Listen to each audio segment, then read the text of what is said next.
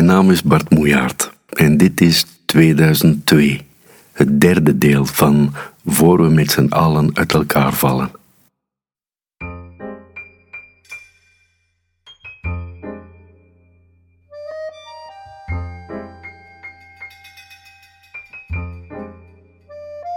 De jonge man van het ontbijtbuffet weet wat ik doe in het leven. Hij spreekt me aan. Hij wijst naar het schrift waarin ik notities maak en vraagt of ik thuis een werkkamer heb. Of is een bureau misschien overbodig als je voortdurend onderweg bent?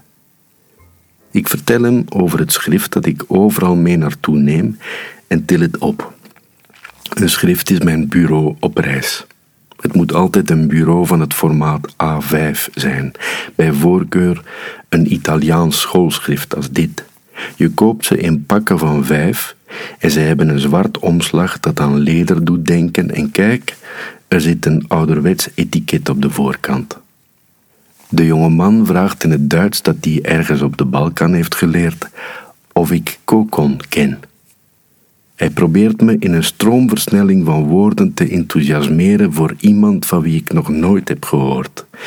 Voor zover het uit de informatie op te maken valt, is het een man met het pseudoniem van een striptekenaar.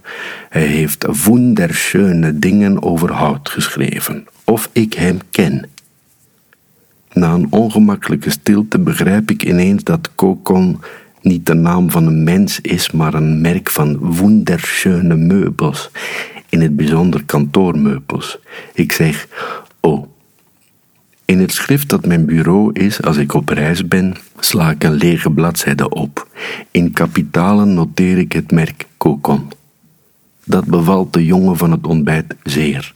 Door het woord op te schrijven en er ook nog aan toe te voegen dat Google uitkomst zal bieden, heb ik zijn tip met beide handen aanvaard als een cadeau. Ons gesprek van niks lijkt ineens meer betekenis te krijgen. We zeggen allebei dank u. Ik zet mijn ontbijt voort. Hij gaat aan andere tafels koffie schenken. Het is onduidelijk of hij heeft gemerkt dat we net op tijd aan een kleine Babylonische spraakverwarring zijn ontsnapt. Misschien hebben we elkaar om die reden bedankt. Fijn dat we elkaar net op tijd hebben begrepen. Dank u.